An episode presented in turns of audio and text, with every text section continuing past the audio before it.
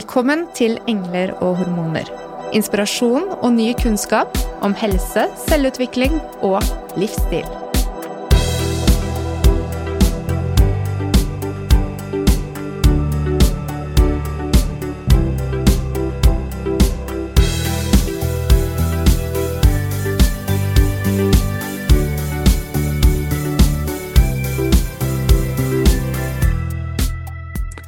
Hvor mye kan vi selv påvirke når det gjelder egen helse?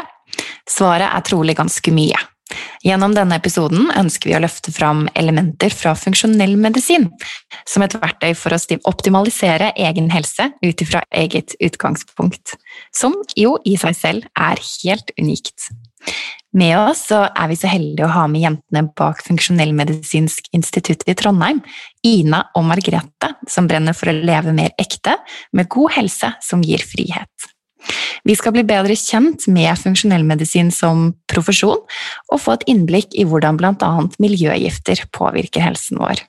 Hjertelig velkommen i studio, Ina og Margrethe. Kan vi få lov til å bli litt bedre kjent med dere? Tusen takk for det. Og takk for uh, fin intro til funksjonellmedisin mm. og det vi driver med. Mm. Kjempefint å få være med. Vi mm. brenner jo virkelig for å få, få kunnskap ut. Altså, det her er jo så fint. Mm. Helt sentralt det du sa, med liksom, det er jo det vi kanskje brenner mest for. Å formidle ut til folk. Hva er det du kan gjøre sjøl? Mm. For det er jo så mye vi kan gjøre sjøl, eh, og det var jo litt inngangen vår inn i funksjonell medisin òg, som eh, profesjon, der vi begge satt med, med helsebakgrunn da, eh, og helseutdanninga, og kjente på at åh, men det er jo mer folk kan gjøre, og ting vi begynte å gjøre i eget liv da, som vi syntes var så ja, som vi hadde så lyst til å formidle, som, som vi ville at folk skulle få kunnskap om. Ja, vi blir ja. bedre kjent med liksom deres reise inn til funksjonell medisin, eller? Mm. Jeg heter da Ina eh, og er fysioterapeut med master i nevrologi. Så, og jeg og Merete vi møttes på videregående da vi var 16 år. Og det var litt sånn eh, sjelelig møte. Da traff jeg liksom mm. sjelevennen min og bestevennen min der. Det var helt fantastisk. Og det som eh, allerede fra vi var 16 på en måte bringte oss så sammen, var jo den her enorme tørsten på kunnskap. Vi var så nysgjerrige begge to og hele tida prøvd å liksom forstå hvorfor. Hvorfor, hvorfor, hvorfor, hvorfor, hvorfor er det sånn her? Um, og vi um, hadde begge lyst til å jobbe med helse. Det var Vi ganske vi hadde veldig lyst til å være med og gjøre en forskjell for noen. Så når vi var 19 etter videregående, så dro vi faktisk til Filippinene sammen og jobba på barnehjem der. Og det var en vekker. Da dro vi dit da, og var liksom unge og naive og tenkte at vi skulle gjøre en forskjell i verden. Og så lærte vi så vanvittig mye om oss sjøl, eh, om hva eh, mening i livet er, om helse, eh, om eh, glede. Jeg opplevde virkelig at de barna eh, hadde jo mye større innsikt i medmenneskelighet enn noen av de vennene jeg hadde hatt. Der var det jo, Du kunne ikke gjemme deg bak en fasade eh, med fine klær og kule briller. Der var det liksom Hvem er du inni hjertet ditt? Og det, det var skikkelig skikkelig sentralt, og det var fint å lære det når, når vi var så unge. Da. Og det var nok med på å stimulere enda mer til denne eh, nysgjerrigheten om sammenhenger med ting. Det at de levde så Hadde så masse glede, da. Hadde så god helse på mange måter fordi at de, eh, de var opptatt av det som virkelig betydde noe i livet. Da. Og at det handla om det der med overlevelse i mye større grad enn det vi treffer i hverdagen. Da. Eh, så tok vi utdanning i Danmark, begge to. Eh, jeg som fysioterapeut og Margrethe som lege. Og samtalene fortsatt veldig mye på liksom, men sammenhengene her, da. Hvorfor er det sånn? Og jeg ringte Margrethe og bare sånn Ok, det er fint at jeg kan gjøre denne øvelsen, men, eh, men jeg skjønner ikke hvorfor det her mennesket har fått denne ubalansen som gjør at de har utvikla en sykdom. Da. Så det var jo helt sentralt. Og samtidig så hadde jeg ganske store helseutfordringer sjøl som drev meg mye til å, å søke kunnskap, for at jeg fikk ikke noe gode svar da, i den konvensjonelle eh, veien. Jeg sleit masse, masse med magen, eh, migrene, kjempelite energi.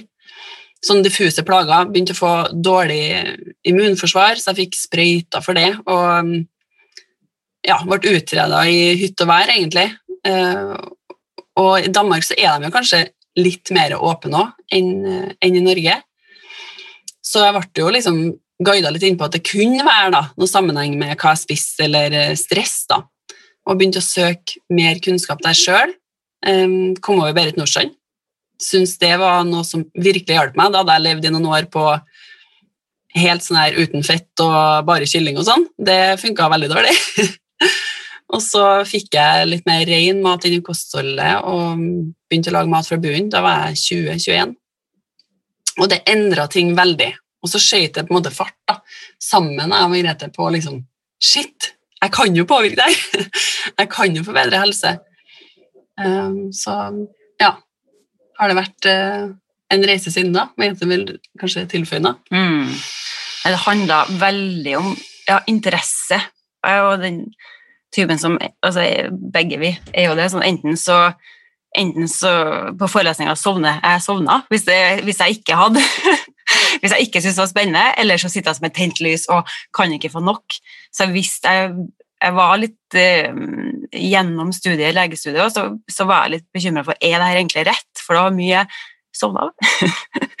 så, så men, men, alt som handler om det å Når jeg fikk lære om hvordan kroppen har egen evne til å holde seg frisk, både til å, til å balansere, altså homostase til å, altså Når jeg fikk høre at levra, du kunne kutte av halve levra, men så, at den gror tilbake Det som handler om at kroppen er så fantastisk eh, og kan så utrolig mye.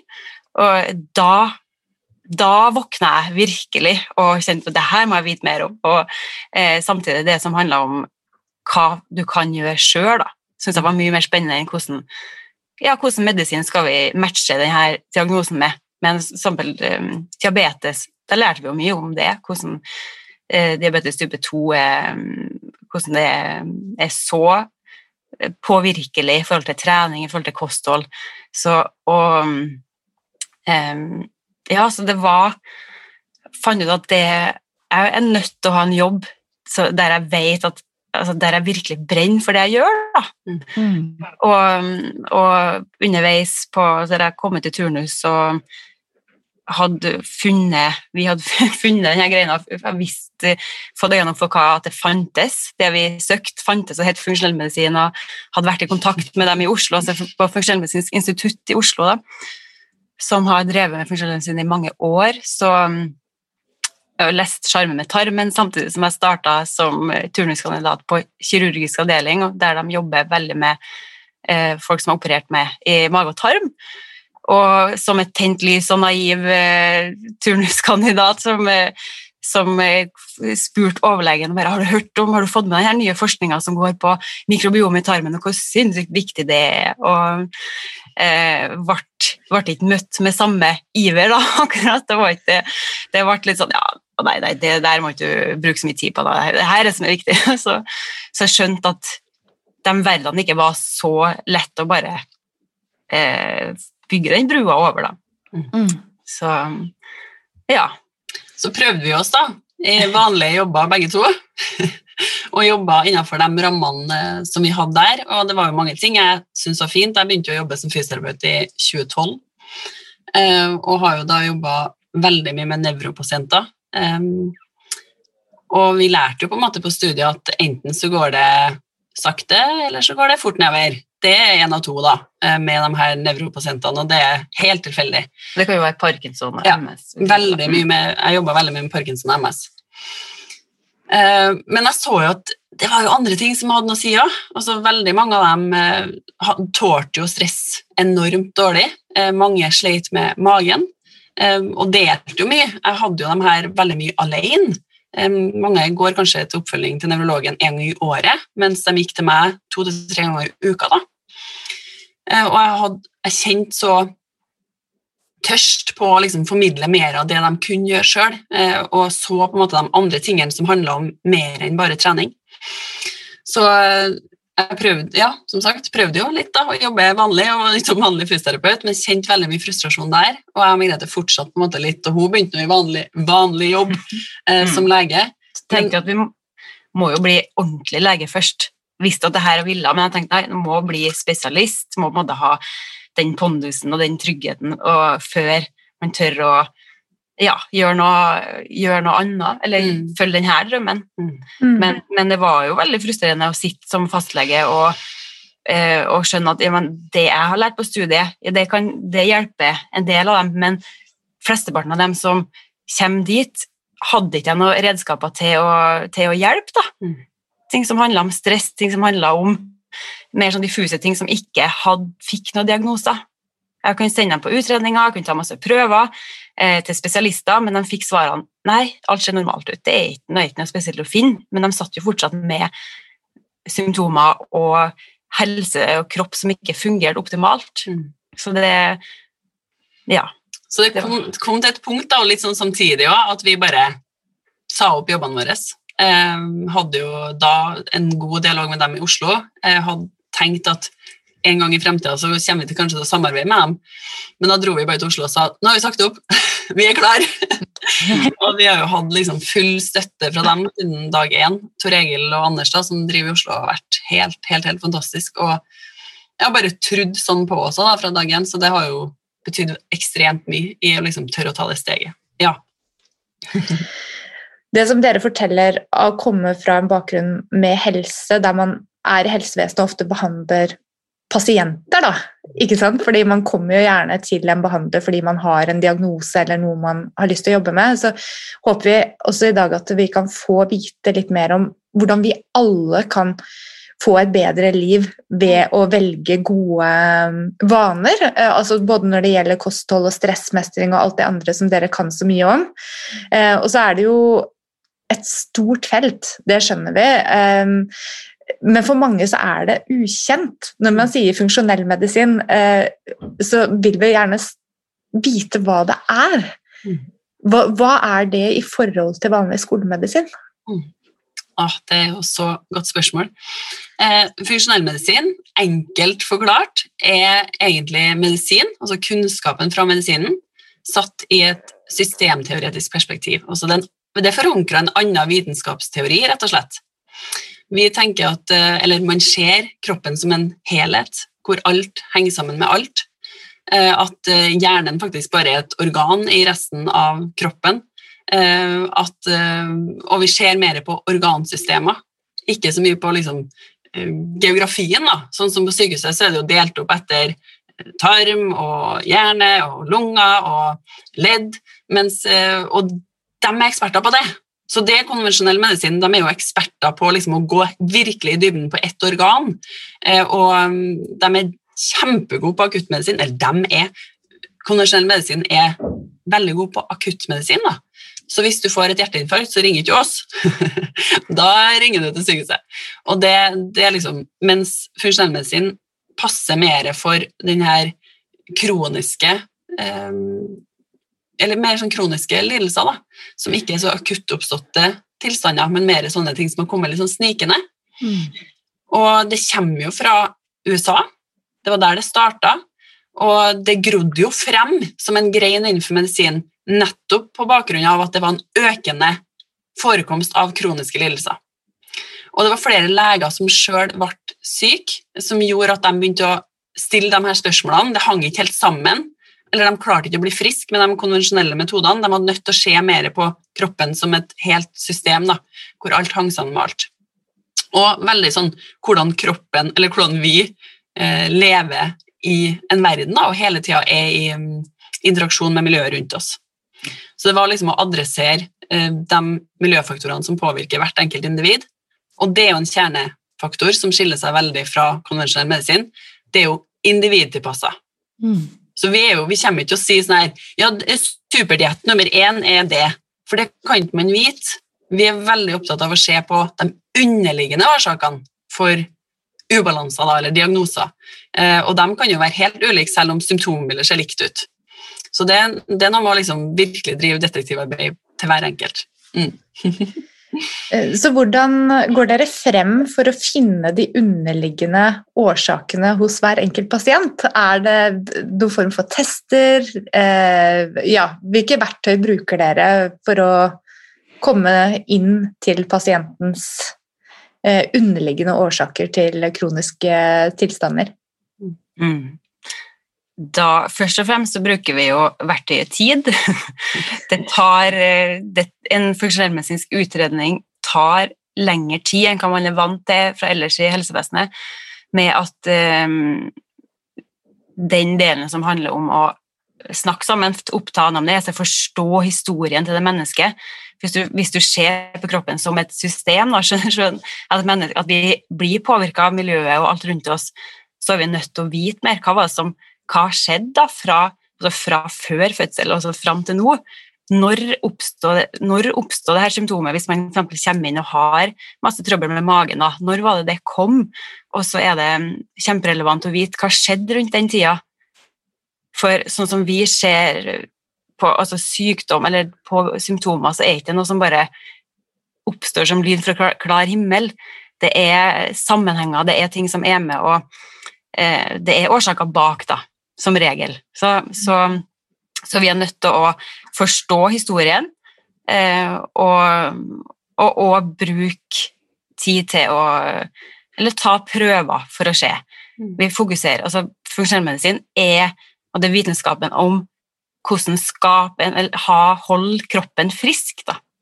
Mm. Det, er så, det er ikke så diagnosefokusert eller sykdomsfokusert, men hva skal til for at en kropp skal være optimal og frisk? Mm. Så, og, og den enorme mengden med forskninger som har kommet de siste tiårene rundt eh, hva, hvor mye tarmen har å si, hvor mye immunforsvaret har å si for, for utvikling av det her, de kroniske sykdommene vi ser mer og mer av nå.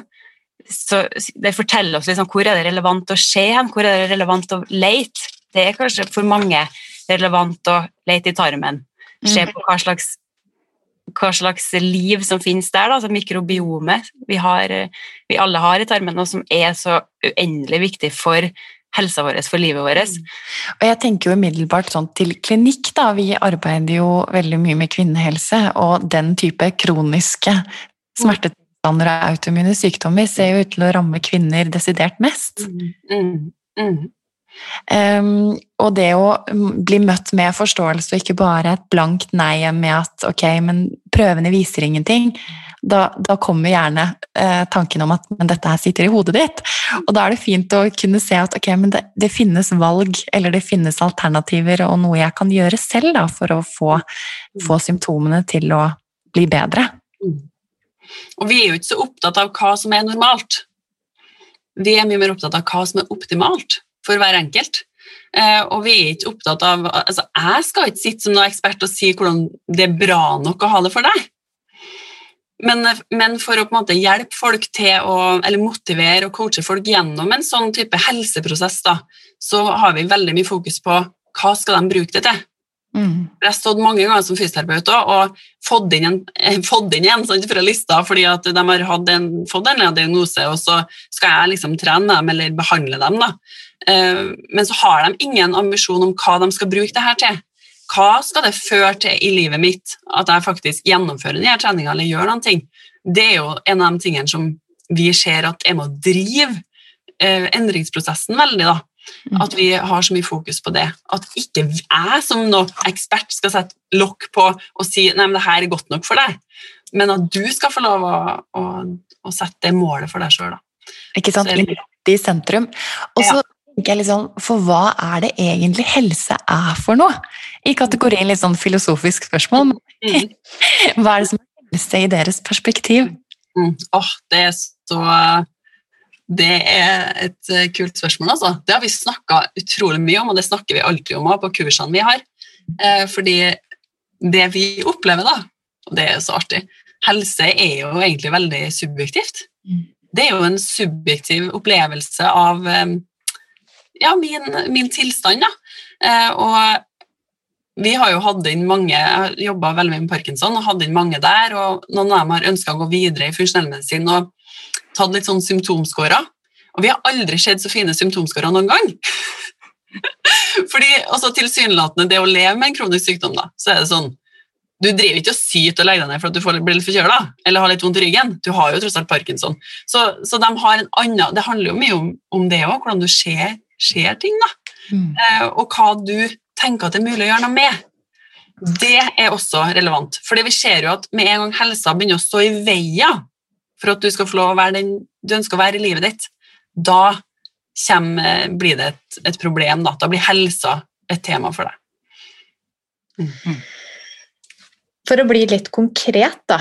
Mm. Ehm, For de som sitter og lytter her nå, vi lever jo ganske vanlige liv, sikkert. Altså, vi bor i samme land stort sett og har en del faktorer som påvirker oss. Hva er det som er det umiddelbar største endringen vi kan gjøre i vårt liv um, for å få bedre helse?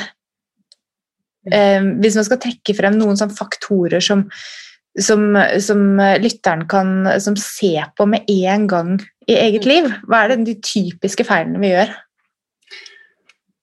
Jeg tenker Vi bruker et eh, verktøy for selvmedisin som heter Matrix. Eh, og Da adresserer vi jo ulike livsstilsfaktorer. Eh, men helt sentralt og på en måte litt i midten av Matrixen da, så handler det om hva er din driv til å stå opp om morgenen. Og det er så sykdomsfremmende hvis ikke du har en driv til å stå opp om morgenen. Og også den mest beskyttende faktoren for helse i livet er jo gode relasjoner. Så det er jo sånn lavpraktisk tips som jeg tenker funker for alle. ehm, Så er det jo virkelig det. Og det er jo tøft i koronatida, men gode relasjoner og det å ta vare på tarmen sin, da. Og prøve å, prøv å få adressert hvordan faktorer er det, hvor er det skoa trykker for deg. For jeg opplever også det som eh, at mange av dem vi møter, er ekstremt kunnskapstørst, kan veldig veldig mye, har søkt masse kunnskap eh, og, og viten før de kom til oss, men de vet ikke hvor de skal starte hen. Så det er jo litt det du spør etter òg, for det blir jo veldig på individnivå. Eh, vi hjelper jo folk med å finne ut hvor trykker skoa hen for akkurat deg. Så det er litt vanskelig å si, men, men det er jo sånne faktorer som, som går på liksom, hvordan er det med tarmen din, og har du optimale blodverdier, og um, er det noe immunforsvaret ditt virkelig ikke har det godt med? Og hvordan er de her livsstilsfaktorene som vi vet at har så mye å si? Hvordan er søvn? Har du bevegelse nok Mm. i livet ditt? Um, maten, selvfølgelig. Hvordan nærer du kroppen din? Jeg tenker også hvordan nærer du kroppen din med bevegelse? Uh, stress, som er kanskje the biggest one, og relasjoner. Det er dem Mm. som vi har veldig, veldig fokus på. Mm. Hvis vi starter med disse um, blodprøvene, da. Mm. fordi de um, eh, testes Eller de både analyseres og leses på en annen måte enn man gjør i skolemedisinen. Forstår jeg det riktig da? Ja. ja. Hva er forskjellen? Hva, hva er det dere ser etter? i, altså det er jo de samme, mye, veldig mange av de samme blodprøvene, men som du sier at det, at det kan leses på en annen måte, og du kan lese det med de øynene som du ser, du le, der du leter etter normalen, og der normalt er bra nok da. Som det, Mm. ofte, altså det er det man ofte får vite etter man har tatt blodprøver på fastlegen. Alt var normalt. Mhm. Det er det. Mens hvis, hvis du ser på, på det med litt andre øyne og tenker hva er det som er optimalt, hvordan, hvordan verdier som gjør at jeg er en av, en av resten i befolkninga, det er eh, for, for det, altså, det det blodprøvene forteller, da. Det er gjen, altså, normalverdiene, referanseverdiene, er jo ut fra hva, gjen, altså, hva normal... Eh, Fordelingskurva. Ja. normalfordelinga av de personene som òg har tatt den samme blodprøven på det laboratoriet. Men hva hvis den gruppa mennesker ikke er frisk og har det, Hvilken del av befolkninga som tar mest blodprøver? Er det sånn friske 20-åringer uten helseplager, eller er det, er det folk som er, har helseplager? Så ja, det ble litt kronglete fortalt, men, men vi ser mer på det i forhold til hva, er, hva kan være optimalt å ligge på. Da. Mm. Og det er heller ikke sånn at det er likt for alle. Mm. Vi, vi vet, vi, det finnes masse kunnskap rundt det, og flere, eh, i flere forskningsmiljøer, kanskje særlig i Berkeley, da, så, så har de brukt noe, masse tid på å prøve å finne ut mer hva er de her optimale verdiene, og hva gjør det med oss å ligge eh, Nå snakker vi særlig om nivået på vitaminer og mineraler. da. Mm. Hva gjør det med helsa vår på sikt å ligge suboptimalt? Mm. Å ha litt for lite, hva gjør det med oss på sikt? Og det, for, for hvis vi har litt for lite, så må jo kroppen begynne å rasjonere litt. Det er noen ting som blir eh, Noen prosesser som må stå litt på vent. Mm. Kroppen vil alltid prioritere det som er viktigst, og det som, eh, det som eh, er mest essensielt for å holde oss eh, i live og frisk og rask. Så, men det er noen ting som blir em, som blir utsatt, da. Bortprioritert. Mm. Og der tenker jeg også i forhold til det med eh, blodverdiene, noe som, kan, som jeg fikk meg skikkelig vekkere på, det er jo det som jeg greide å si at det er et gjennomsnitt av dem som har gått på den laben. Det er veldig få blodprøver som er standardisert, eller der vi har en sånn standard som vi ser etter. Eh, hva er det, kolesterol eh, Det er noen, noen verdier som vi har en litt mer sånn nei, det er det vi skal se etter. Ellers så er det et, et gjennomsnitt av dem som har gått på den laben. Og det har jo endra seg når folk har blitt kanskje litt dårligere. Så gjennomsnittet på en eller annen altså blodverdi har jo kanskje for 20 år siden vært helt annerledes. Så da hadde du kanskje vært helt unormal hvis du hadde tatt dine blodprøver i dag. Og det er jo der jeg tenker at det er viktig. Vi satt jo på, i Seattle når vi tok videreutdanninga vår i funksjonellmedisin, på bord med ei fra Asia og ei fra USA, og så skulle vi snakke om eh, BMI, da. Og gjennomsnitt på, på BMI i USA er jo mye høyere. Så hun som så helt likens ut som oss, var jo i det virkelig lave sjiktet på BMI, mens jeg og Margrethe var liksom litt mer sånn midt på, og hun fra Asia hadde noen helt andre verdier igjen. Fordi det er bare satt sammen av gjennomsnittet i befolkninga. Sånn at istedenfor å se på at oi, her holder det på å bli en negativ utvikling i hele befolkninga, at alle begynner å bli overvektige, så bare flytter vi normalen, og så gjør ikke vi noe med det. Og det er jo det som er skremmende. Så i funksjonsmedisin er man jo mye mer opptatt av å bruke det i forhold til optimale Mm. verdier. da. Hva er det som kan holde oss friske? Ja. Interessant det du sier der, det var jeg ikke klar over. Nei, det er kjempe, kjempeinteressant. Mm. Det opplever jeg at folk syns er veldig motiverende da, å forstå mer om. Så vi underviser jo masse om, om det, blant annet. Så et eksempel som mange kan kjenne seg igjen i, er jo det med D-vitamin. da. Mm. D-vitamin som har vært mye fokus på nå, som er kjent at størstedelen av befolkninga ligger for lavt på, og det, det er jo samme retningslinjene på, på eh, i legehåndboka sånn, er jo at alle bør ta tilskudd, og at i hvert fall ligger over 75 i, i, på blodverdier. Mens hvis du ser på normal Hvis du bare leser referansegrensene på, på blodpararket, så er jo det starter jo det på 50, så alt ned til 50 er normalt. Men, men det er enighet om at det ikke er optimalt for det. Hvordan eh, er kommunikasjonen da med f.eks. den fastlegen som er involvert i pasienten sin oppfølging, når eh, man leser prøvene på en litt annen måte? Hva, hvordan opplever dere det tverrfaglige samarbeidet rundt pasientene? Det er veldig ulikt, altså fra Det kommer, kommer litt an på den personen som, som sitter, eller våres, eh, vi kaller dem jo aktienter, da. ingen som får lov å være passiv, passive pasienter, men på hva deres ønsker er. Noen ganger så er det jo er det nødvendig å samarbeide. I noen saker har hatt kontakt opp mot spesialist i eh, endokrinologi, eh, eller om det er eh, fastlege nå, men det er noen som ikke ønsker det, og så er det nok det er det mye å gå på der, men, men det handler om at det er, det er jo mange som, som er skeptiske òg. Mm. Det, det kommer litt an på hvilket inntrykk den fastlegen har. Har den fastlegen helt tatt hørt om funksjonell medisin, så, Mm. så, så klart Enda så er det for lite samarbeid. Så Men eh, når man Vi ser på mål. Ja, Mm. vi vil gjerne Mm. ha mer samarbeid. Og når man ser på målene, da, både måte, hva, hva myndighetene i Norge har som mål, EU, eh, og så er det jo at persontilpassa medisin, så, altså som det samme som funksjonsmedisin, skal, være, skal bli tilgjengelig for alle innbyggere i Europa og Norge innen 2030. Så vi er nødt til å finne ut eh, av hvordan eh, det her skal, skal bridges over og bli et, um, Jobbe mot samme mål.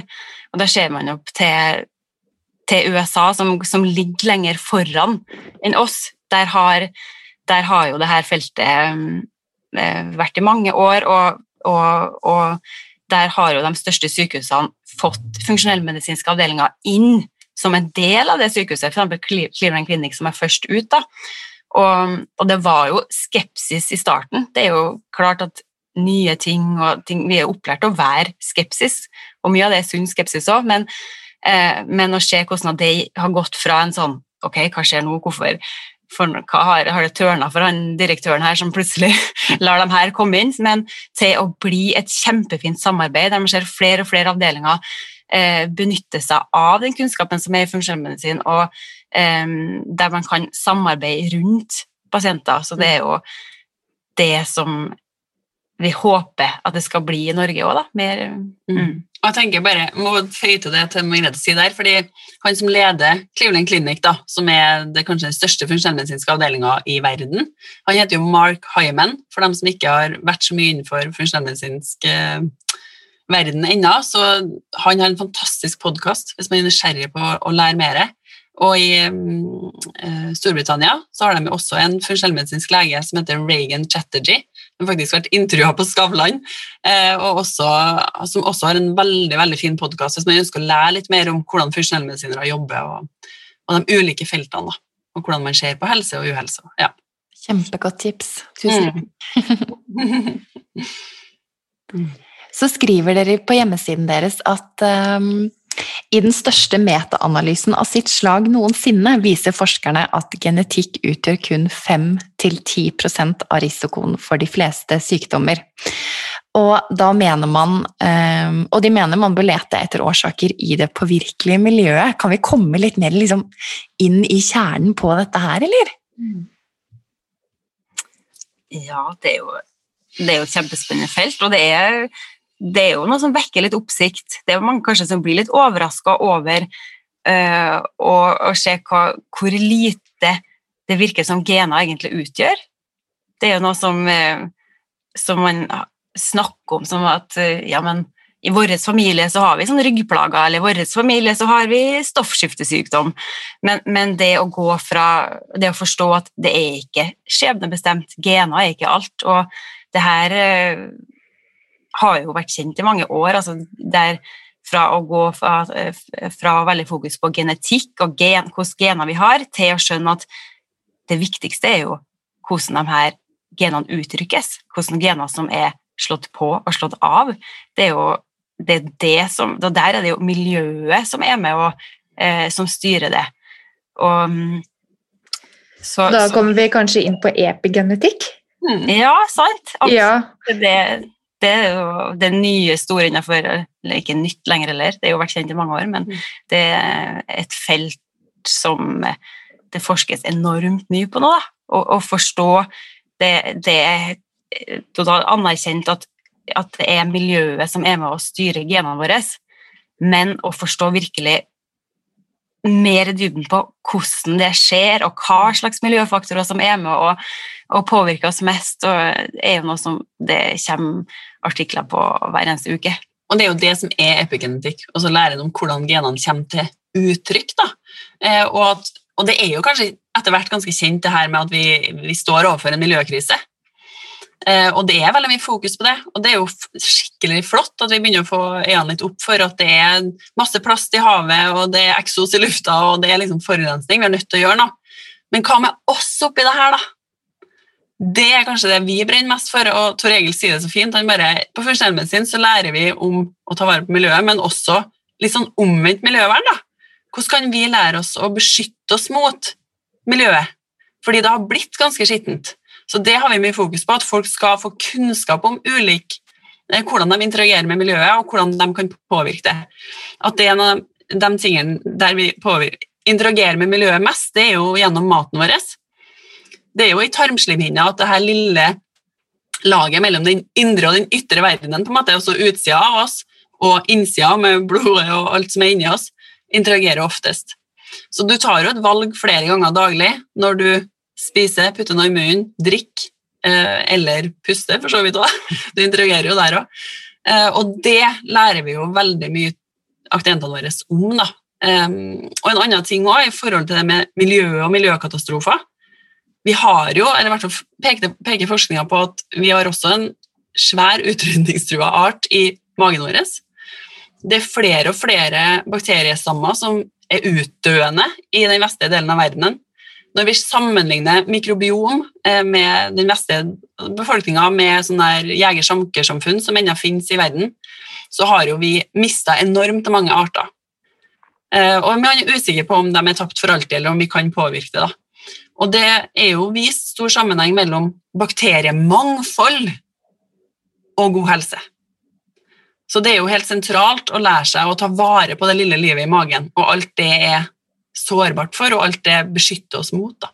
Mm. Det, mm. Vi har eh, spilt inn opptil flere episoder på akkurat det temaet. Mm. Så gjerne titt tilbake igjen i biblioteket vårt eh, for akkurat det. Men hva med miljøgifter? Hvordan vil det påvirke oss, og det som på en måte er rundt oss? Mm. mm.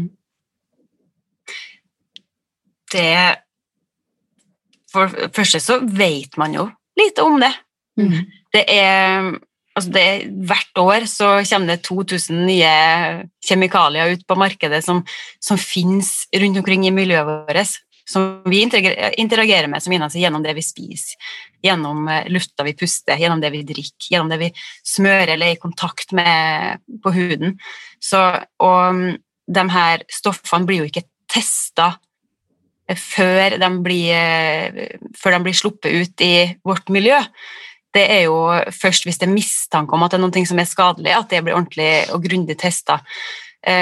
Så vi vet lite om hvordan det påvirker oss. Det vi vet, er jo altså er test, mange, mange, tusen av dem her er jo etter hvert testa, men mest én og én. Mest ett stoff i gangen. Og, ser, og, og, den kunnskapen som har kommet ut av det, er jo at veldig mange av dem her er med og skader oss på ulike måter. Om det er at de forstyrrer hormonbalansen vår, at, er, at de er, er, med å skade det lille livet som vi har i magen, altså de bakteriene og um, ja, mikrobiomet vårt.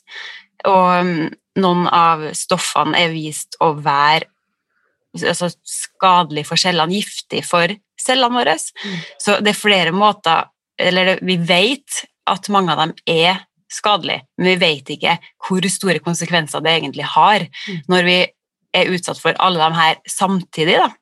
Mm. Så, um, Eksempler på det kan jo være eh, kvikksølv, eh, som eh, er forbudt å bruke nå, men vi ennå ser en økende forekomst av i naturen. Da. Og det er jo veldig, det er et kjent stoff som er veldig nevrotoksisk og enormt triggende for immunforsvaret. Veldig skadelig for hjernen spesielt. da. Så det er jo ja. i naturen, egentlig? Er det, er det type fisk og sånn, eller? Ja. Det er kanskje den største kilden tenker jeg, som vi får i oss nå, er jo, er jo sjømat. da, Altså spise ting som er i havet. For det er, det er, en økning av nivåene av kvikksølv, og det er det jo stadig oppslag om i aviser og sånn. Så mm. det kan være én av dem, på en måte. Mm. Så hvilke valg er det vi kan ta selv? For det, alt sammen som dere sitter og snakker om nå, det høres jo veldig skummelt ut. Absolutt. Veldig, veldig mye. Veldig mye av det vi formidler, kan trigge mye frykt mm. hos folk, og skyld Altså det, det, det, har vi jo vært konfrontert med sjøl, og vi jo, fikk jo barn før vi fikk masse av denne kunnskapen, og ser tilbake og ser oi, shit, det var ikke akkurat det perfekte forhold for, for dattera mi da hun var baby. Mm. altså Mange ting jeg ikke visste, så, så, det er jo så, så første så er det å være litt klar over at altså, du gjør så godt du kan mm. med den kunnskapen du har, og, og ikke holde på å være slem og piske seg sjøl for det man ikke visste, og det man ikke gjorde, og alt man burde ha gjort. Og, men, for det blir jo igjen en stressfaktor som er med å påvirke, påvirke helsa negativt. Um, så, så, det å ha ja, fokus på én ting av gangen, og se hvordan kan man leve litt renere da, neste gang jeg skal kjøpe vaskemiddel? Kan jeg finne et uh, litt mer miljøvennlig alternativ, eller noe som er litt mindre kjemikalier i? Neste gang jeg skal kjøpe meg eh, Sminke. sminke. Ja. Skal jeg sjekke opp eh, Det finnes gode apper for å se hva, hva, hva slags sminke som inneholder noen av de her verstingene på kjemikalier, i hvert fall. Og mm, så gjør det litt sånn gradvis, Mm. og tenk der hvor, hva man får Altså, vi kan ikke vi kan ikke mm, leve i en sånn boble og ikke, og ikke være utsatt for noen ting. Det, da bruker du hele livet ditt på å prøve å, prøve å unngå eh, kjemikalier. Det, det er ikke det som er målet, men mer eh, gjør noen tiltak som har stor effekt. Og det, Og en ting som er med å, å beskytte oss, da, det er jo eh, å spise veldig mange rene grønnsaker. Eh, Brokkolispira annet har jo vist seg å kan være med å slå på når vi snakker om epigenetikk, gener for avgiftning, for å kvitte oss mer effektivt, for kroppen har jo systemer for å gå ut med søpla. så fordi om vi blir utsatt for miljøgifter, så er det ikke sånn at de alle hoper seg opp. Det er jo mange ting som er med å bestemme om det hoper seg opp til deg eller ikke. Og da er det jo nettopp sånne ting som Grete peker på, hvordan er, det, ligger du med suboptimale verdier for vitaminer og mineraler, da, som vi finner masse av i grønnsaker, og frukt og bær og sånn, eh, har jo mange av de viktige byggesteinene for å, at kroppen skal ha overskudd, da. Altså, Hver har masse ressurser til å, å kvitte seg med det her. Så det er jo noe som vi lærer folk masse om i forhold til å hele tida kontinuerlig være bevisst på og gjøre en jobb på. da.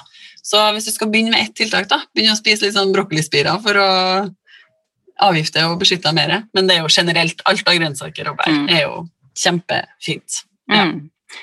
For mye av det vi eksponeres for, er jo som vi kan si, gjennom maten. Og så hva som, hva som kommer sammen med den næringa, da? Mm. Um, altså der kommer jo økologisk mat inn, som er omdiskutert, og hvor mye mange mener at det ikke har så mye for seg, men, men hvis du ser på hva, hva uh, de her um, giftstoffene eller de sprøytemidlene gjør for det lille livet i magen, da. Hvis man, tar, hvis man ser systemisk på det, ikke bare hvordan det påvirker den menneskelige delen av meg, men også den 90% som, av cellene mine som faktisk er fra bakterier, så, så har det jo en stor påvirkning. Og, og hva, hva, hva, hva kommer det sammen med maten i form av eh, sprøytemidler, men også kanskje fra oppbevaring av den. Da. Hvis, du har, hvis du varmer opp maten din i en plastskål i mikrobølgeovnen, så, så vil jo på en måte noe av den plasten Særlig hvis det er litt surt, det du har i. Hvis du har tomatsuppe, f.eks., så vil jo noe av det eh, av plaststoffene komme med sammen med maten din. Så det å bytte ut, heller ha glass eller ha Ta- rustfritt stål av beholdene det du har, altså vannflaska di heller av glass, det utgjør, det utgjør masse på sikt. Da. En annen ting som eh, har vært en liten poppis uh, de siste årene, har vært dette med sellerijus.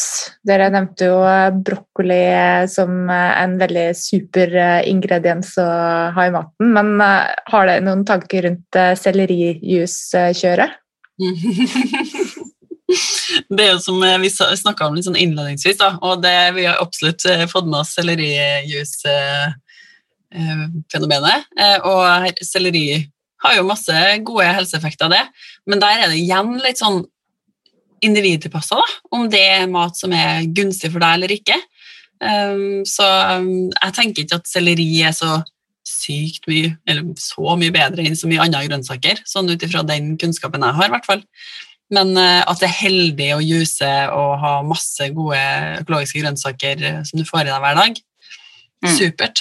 Men sellerijus er ikke, så, det er ikke løsninga på alle problemer. Og at det, at det er sånn bare du drikker sellerijus, så skal det gå deg godt. Det er på en måte Ja.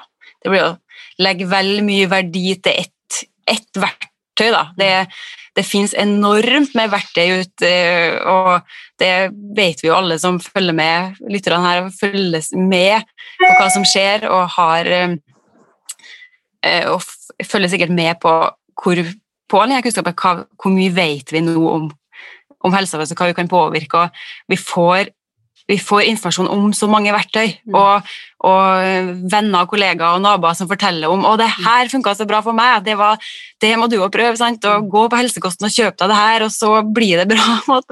Så, um, og det er vi jo opptatt av å formidle, at det er ikke så enkelt. Det er ikke ett verktøy som er løsninga for alle. Vi, er, vi må Det er sjelden én årsak alene. Jeg tenker bare sånn, For å sette det litt i sammenheng med min egen helsereise.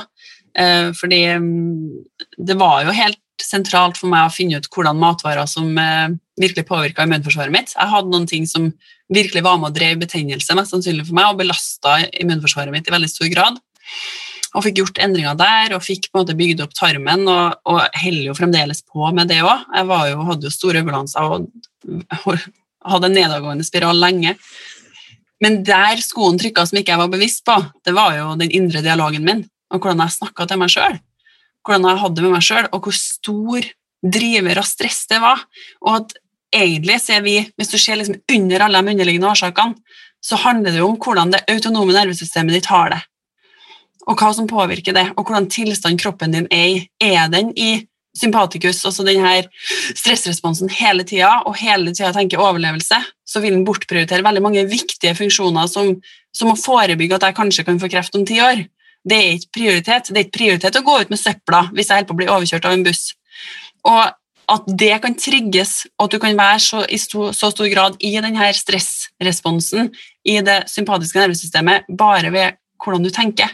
Mm. Det, det var tøft for meg, og, og, og det var der det var virkelig vanskelig å jobbe. For det var enklere å kutte gluten, som var viktig for meg, eller andre ting, og få mer enn- av noen matvarer. Det syns ikke jeg var så vanskelig. Noen syns det er veldig vanskelig, for det, det trigger litt sånn annerledeshet. Men det å forstå at jeg eh, unngikk å si nei til folk, for det trigga så mye ubehag, og det og laga meg masse sånne å, vanskelige måter å navigere på, for at jeg aldri eksponerte meg for å, å sette tydelige grenser og si nei, og kjenne etter hva jeg egentlig vil. da. Det tror jeg var en like stor driv, driver da, for meg. Og da blir det litt sånn for enkelt når folk kommer og sier ja, bare ta litt selleri- sellerijus, og så ordner det seg. For det vi opplever i de endringsprosessene vi er gjennom med, med aktivitentene våre, er jo at det er enormt mye som handler om det autonome nervesystemet og hvordan du snakker til deg sjøl og har det med deg sjøl. Og det jobber vi jo veldig veldig mye med sammen, sammen med denne fysiologiske prosessen. Ja. For det handler jo tross alt om hele mennesket, som dere sier, ikke sant? En ting som er sikkert, da er det jo om man klarer å fokusere på én ting som er positivt, så Mm. vil jo det gjerne få sine gode ringvirkninger også. Mm. Ah, helt klart, altså. Som, som på en måte hvor sentralt det er for noen å, å få orden på søvn, da. Så påvirker det liksom alle de andre faktorene. Du, jo, du har jo mer overskudd i forhold til stress. Eh, du har kanskje fått gått ut med søpla på natta og har det, har det bedre. Eh, det gjør kanskje at du har overskudd til å få bevega deg litt. Eh, du er ikke så trigga, så du klarer å du er mer i frontallappen, klarer å ta mer aktive valg, gode valg for deg sjøl på kanskje matfronten. Og da er det mat kanskje som er med å holde betennelse og stressnivået ned, istedenfor å fyre det opp, som vi vet alle sammen, at når vi er stressa, så tar vi dårligere valg. Da. Og det gjør kanskje at du også er en bedre venn og, og partner, sånn at relasjonene dine blir styrka. Så det som du sier, det er sånn spiderweb hele tida. Hvordan den ene faktoren kan påvirke alle de andre faktorene. Det, det er utrolig spennende. Du nevnte betennelser der. Eh, hva gjør betennelser i kroppen vår? Kan vi komme kort inn på det? Mm. Vi snakker om betennelse. Ofte, sånn, det, jeg regner med du og som Ina mener, det er jo inflammasjon. da. Mm. Inflammasjon som er Det er jo immunforsvaret vårt sin jobb å beskytte oss mot farer. Så, så det er jo, inflammasjon er jo en prosess som, som heldigvis eh, skal skje hvis vi er trua, hvis det kommer inn bakterier og virus som vi skal bekjempe? Eller, eller vi får et sår eller et kutt eller uh, tråkke over, så, det, så kommer immunforsvaret og eh, setter i gang prosesser for å beskytte oss og for å, for å reparere eventuell skade. Men, men med inflammasjon så, så, så øker jo eh, betennelsesnivået. Og eh, det, hvis du ser på ankelen din etter du har, etter du har eh, etter du har tråkket over, så er, blir det jo rødt og heva og varmt? Sant? selv om det er eh, eh, Selv om det ikke er noe infeksjon i den. Så, men eh, eh, så, så problemet er jo ikke den responsen i seg sjøl, men når det går over fra å, å være en sånn av og til så, så må immunforsvaret kicke inn og, og hjelpe oss, til å bli at, at immunforsvaret må på jobb hele tida, at alarmen går mange mange ganger hver dag, så vi kommer i en tilstand der det, er, det blir kronisk økt inflammasjon da, Mm. i kroppen. Og det, vil jo påvirke, det påvirker jo oss i stor grad. Og um, hva si, så gjør jo også at immunforsvaret ikke står like sterkt og kan reagere like eh, kraftig når det oppstår reell fare da, for mange av dem mange av de eh, tingene, eh, prosessene som immunforsvaret er opptatt av å, eh, å ta unna og hjelpe oss med, er jo ikke, er jo ikke mm, reelle farer. Det er altså som, da er vi tilbake til det Ina snakka om, det at du er bekymra for om du skal stå på eksamen. Det påvirker jo Det skap, er jo med å skape mer eh, inflammasjon. Mm. Men, men det er jo ikke en reell fare, så kroppen er på en måte immunforsvaret er opptatt med, med, med, andre ting når, når, eh, når vi blir, blir utsatt for noe virus eller bakterier og står ikke, står ikke, står ikke like sterkt. Og um, det påvirker jo òg hvordan vi hvordan immunforsvaret Nei, hvordan eh, Altså de andre jobbene Det går utover de andre jobbene immunforsvaret vårt har, da, som er å forebygge. Eh, det påvirker altså det, her, det kunne ha vært en helt egen, eh, Mm. en egen episode om, men bare sånn det, det som skjer med at man samtidig får høyere blodsukker som trigger, som vi vet er med å, å trigge enda mer betennelse og, og øke risikoen for hjernesykdom, for hjertesykdom. Altså det er Det er linka til en, altså, som en underliggende årsak til veldig, veldig mange eh, kroniske sykdommer. Da. Mm. Og det er jo også linka nå, jeg tenker det vi står oppi nå, at de har sett en sammenheng mellom det med lavgradig betennelse over tid, og at du er mer risiko for å få korona. Det er jo på en måte flere studier som har peka på det òg. Mm. Så, så det å ha en sånn her forhøya betennelsestilstand i kroppen hele tida, gjør jo, som Margrethe sier, også at kroppen har nødt til å prioritere. Da. Så de, når det kommer noe akutt, så er ikke den like på. da. Eh, og det ser ut som at det er en stor sammenheng mellom det og utvikling av autoimmune tilstander også. Da. Så, mm.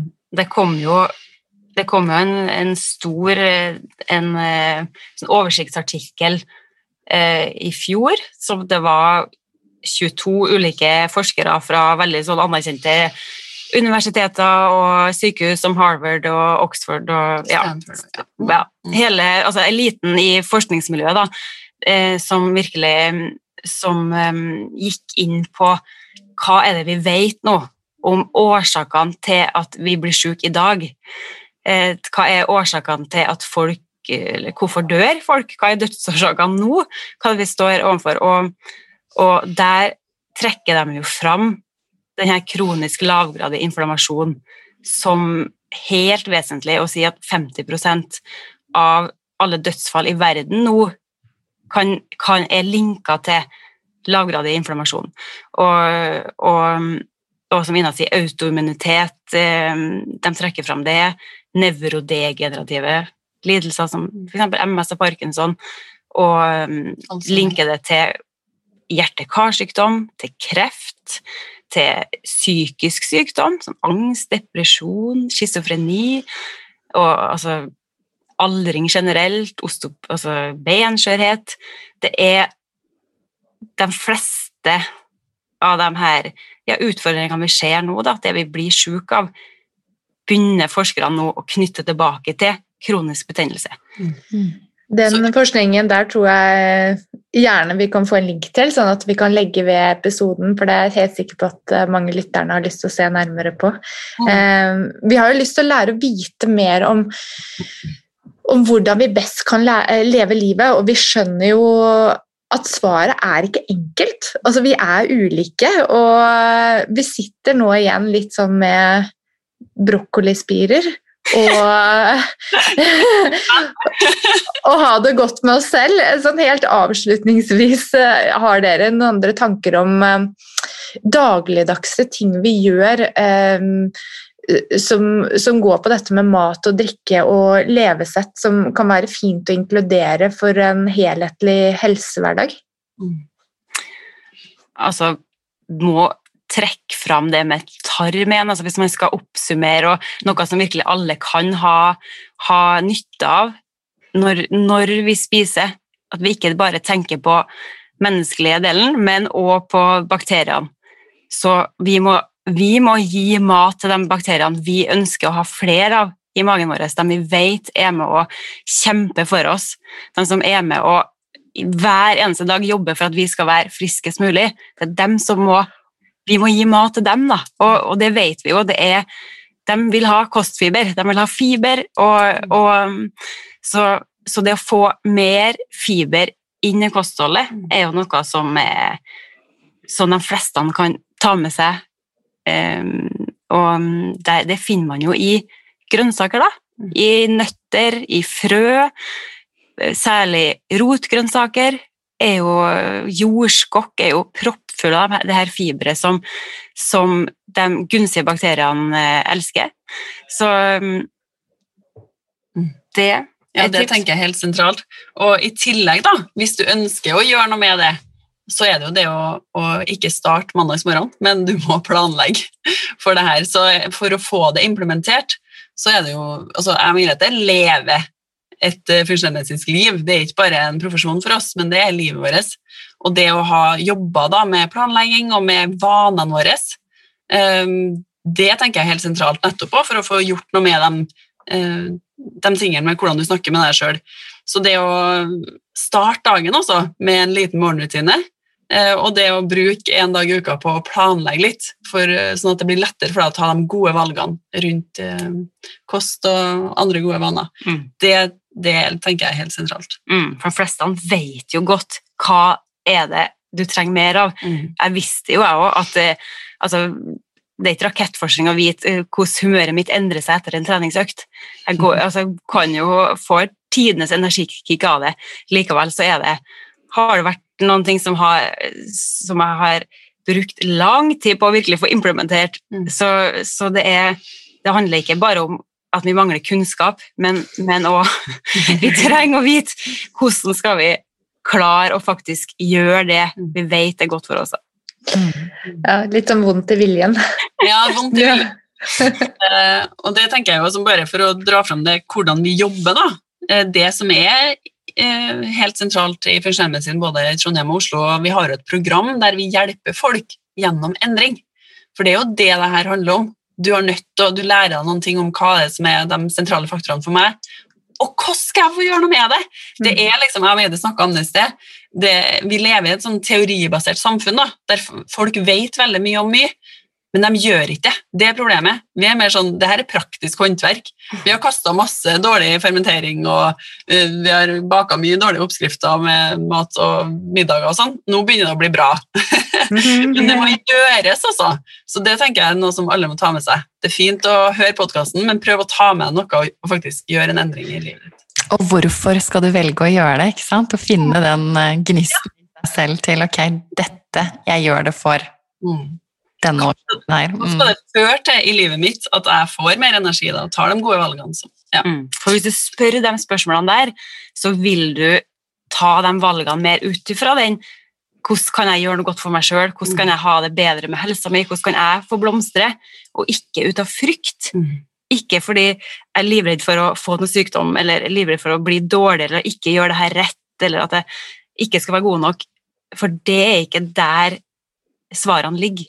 Det må komme fra det her mm. stedet av at du har lyst å, å være god med deg sjøl, at du syns at du faktisk fortjener å ha en kropp som fungerer så bra som den bare kan.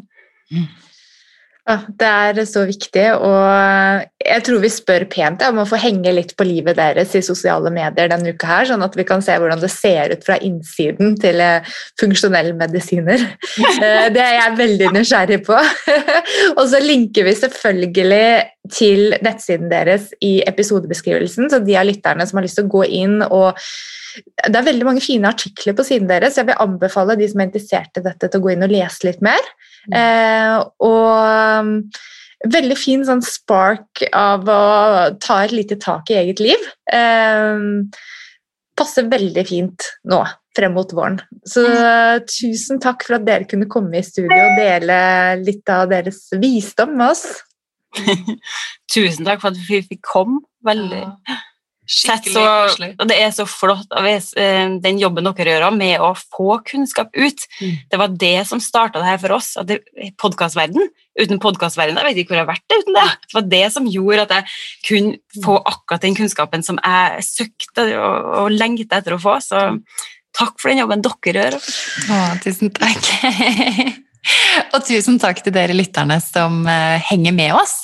Em, gjerne legg igjen en review på iTunes eh, og der du lytter til podkaster, sånn at vi kan bli enda mer synlige og få spre det gode budskap. Ha det bra! Ha det! Ha det.